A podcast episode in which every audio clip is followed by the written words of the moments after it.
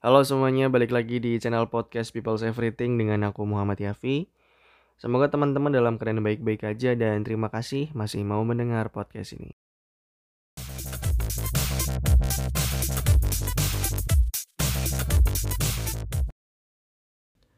Siapa di sini yang uh, ke-trigger kalau misalkan di Instagramnya banyak sekali pencapaian-pencapaian yang diupload oleh banyak orang? Atau kamu adalah tipe orang yang rajin banget ngucapin ulang tahun atau pencapaian orang lain di Instastory, tapi giliran kamu sendiri nggak ada yang ngucapin. Kalau kamu orang yang kayak gitu, ayo ngumpul. Kita ngobrolin soal ucapan dan pencapaian. Beberapa waktu terakhir Instagramku, berandaku dan mungkin juga berandamu itu banyak banget orang ngupload soal pencapaiannya. Ada yang udah lulus lah, ada yang udah dapet kerjaan, ada yang lagi sidang, ada yang udah dapet pacar, ada yang udah mau tunangan, bahkan ada yang udah punya anak gitu. Jadi pencapaian-pencapaian itu menjadi sangat jelas terpampang di depan mukaku sendiri. Apakah itu mengganggu? Untungnya enggak. Tapi buat sebagian orang ternyata itu nge ngeganggu gitu. Karena e, tempo hari beberapa waktu yang lalu juga salah satu teman ngechat tiba-tiba dia tanya, "Yaf, kapan sidang?" Lah, belum kan aku juga masih ambil data gitu waktu itu. Terus dia ngomong, temanku soalnya udah ada yang mau sidang. Aku overthinking gitu. Aku jawab, emangnya kamu lagi balapan apa gimana gitu. Jadi kadang-kadang kita tuh ngerasa kita tuh lagi lomba dengan orang lain yang pengen buru-buru cepet-cepet sampai ke garis finish. Tapi kita lupa kalau lintasan dan garis finish yang kita punya itu beda. Soal omongan lintasan yang beda dan garis finish yang beda udah aku bahas detail di episode um, toxic self love. Jadi kalau misalkan kamu belum dengerin, dengerin dulu supaya tidak salah memaknai lintasannya berbeda yang semacam itulah kata-kata untuk mencintai diri sendiri. Oke, kita lanjutin lagi. Jadi kita lupa kalau lintasan kita tuh beda. Jadi sebenarnya nggak harus ada yang perlu dikhawatirin, nggak perlu ada yang ngerasa ketinggalan selama kita masih sama-sama jalan. Terkait pencapaian-pencapaian itu, sekarang memang dalam tanda kutip terfasilitasi untuk bisa kita nikmati gitu ya karena kalau zaman dulu kalau misalkan ada orang yang mencapai sesuatu itu kan paling yang kenal yang tahu sedangkan sekarang kita nggak kenal pun kita tahu. Kenapa? Karena adalah misalkan kita follow-followan sama orang di Instagram yang uh, kenal cuman gara-gara satu event nasional yang diadakan lima tahun sekali abis itu udah nggak pernah ketemu lagi misal.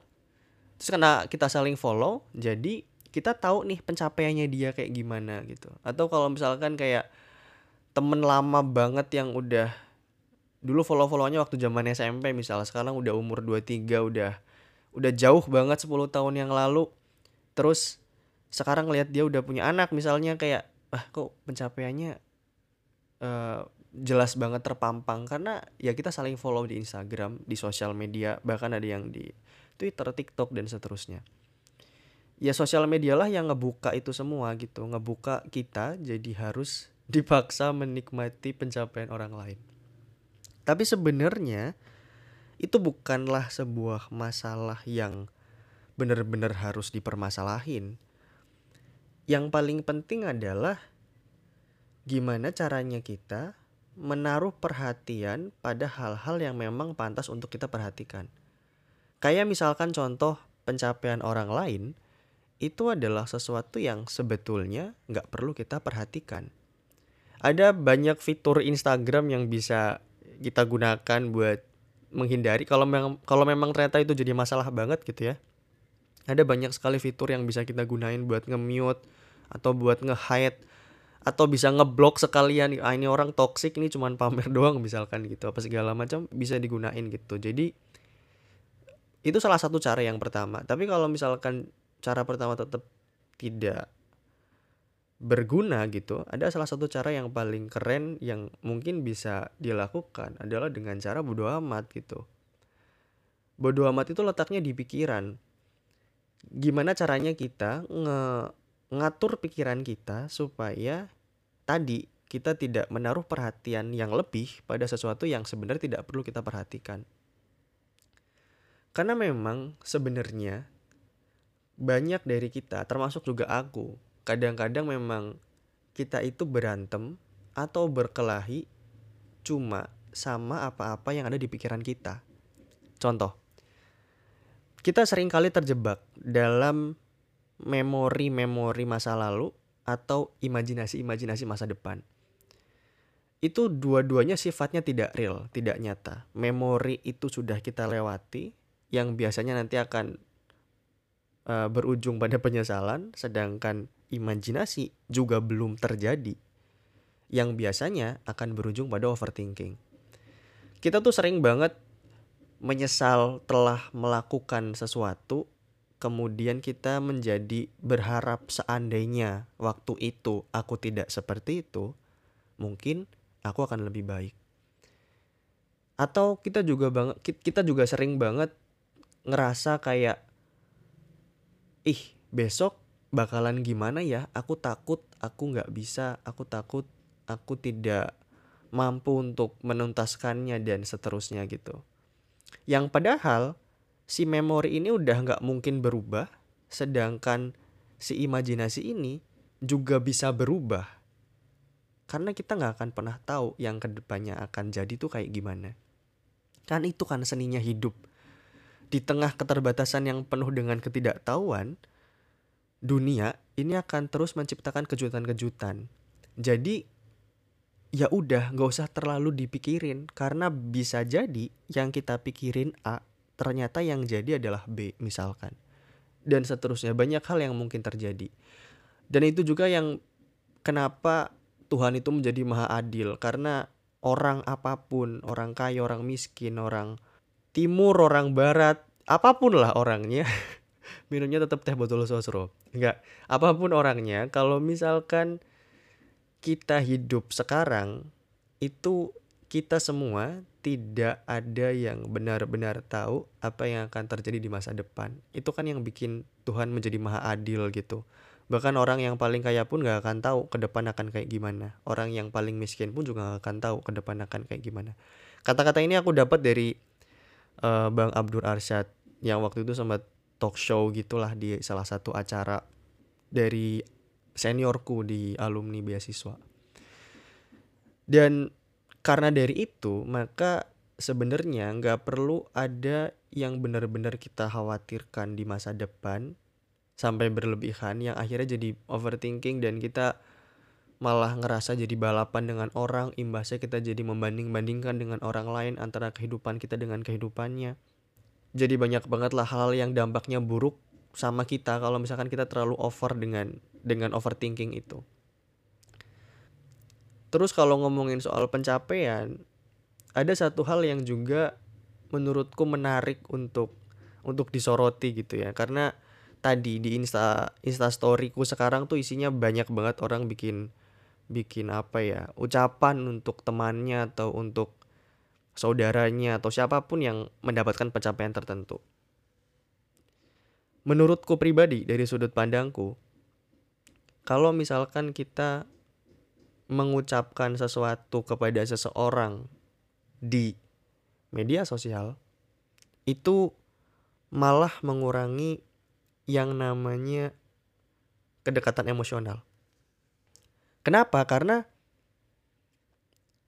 kalian tahu gak sih kayak semakin kita punya kedekatan atau kita intimate gitu, kita kita punya hubungan khusus dengan orang, kita itu akan semakin jarang buat contoh deh.